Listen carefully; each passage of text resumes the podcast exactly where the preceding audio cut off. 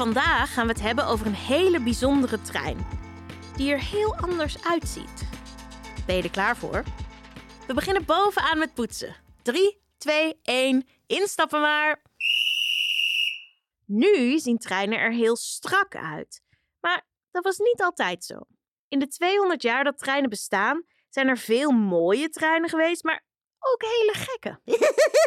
Die gekke treinen waren misschien niet altijd even goed, maar hebben soms wel veel invloed gehad op de ontwikkeling van andere treinen. Een voorbeeld van 90 jaar geleden is de Spoorzeppelin.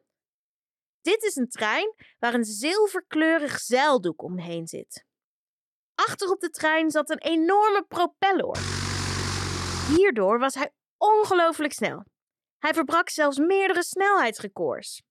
De trein was sneller, beter en mooier dan zijn voorgangers. Maar de spoorzeppelin is nooit gebruikt door mensen.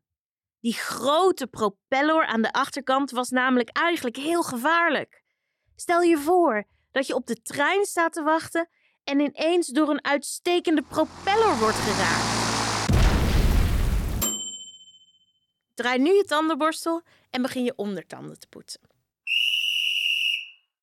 In de afgelopen 200 jaar zijn er steeds nieuwe treinen uitgevonden en ook weer verdwenen.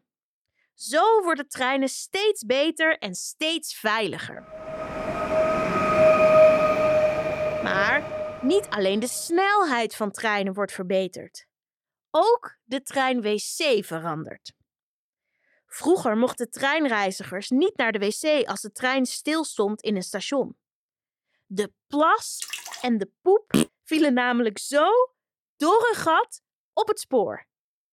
Hierdoor kon het erg stinken in stations. Wanneer de trein reed, mocht je wel naar de wc. Want dan had niemand last van grote of kleine boodschappen die de trein uitvlogen. Ik ben een supersnelle drol. Inmiddels hoef je je daar gelukkig geen zorgen meer om te maken. Treinen hebben nu een opvangsysteem.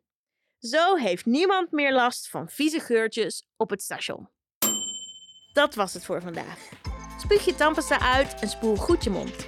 Tot morgen!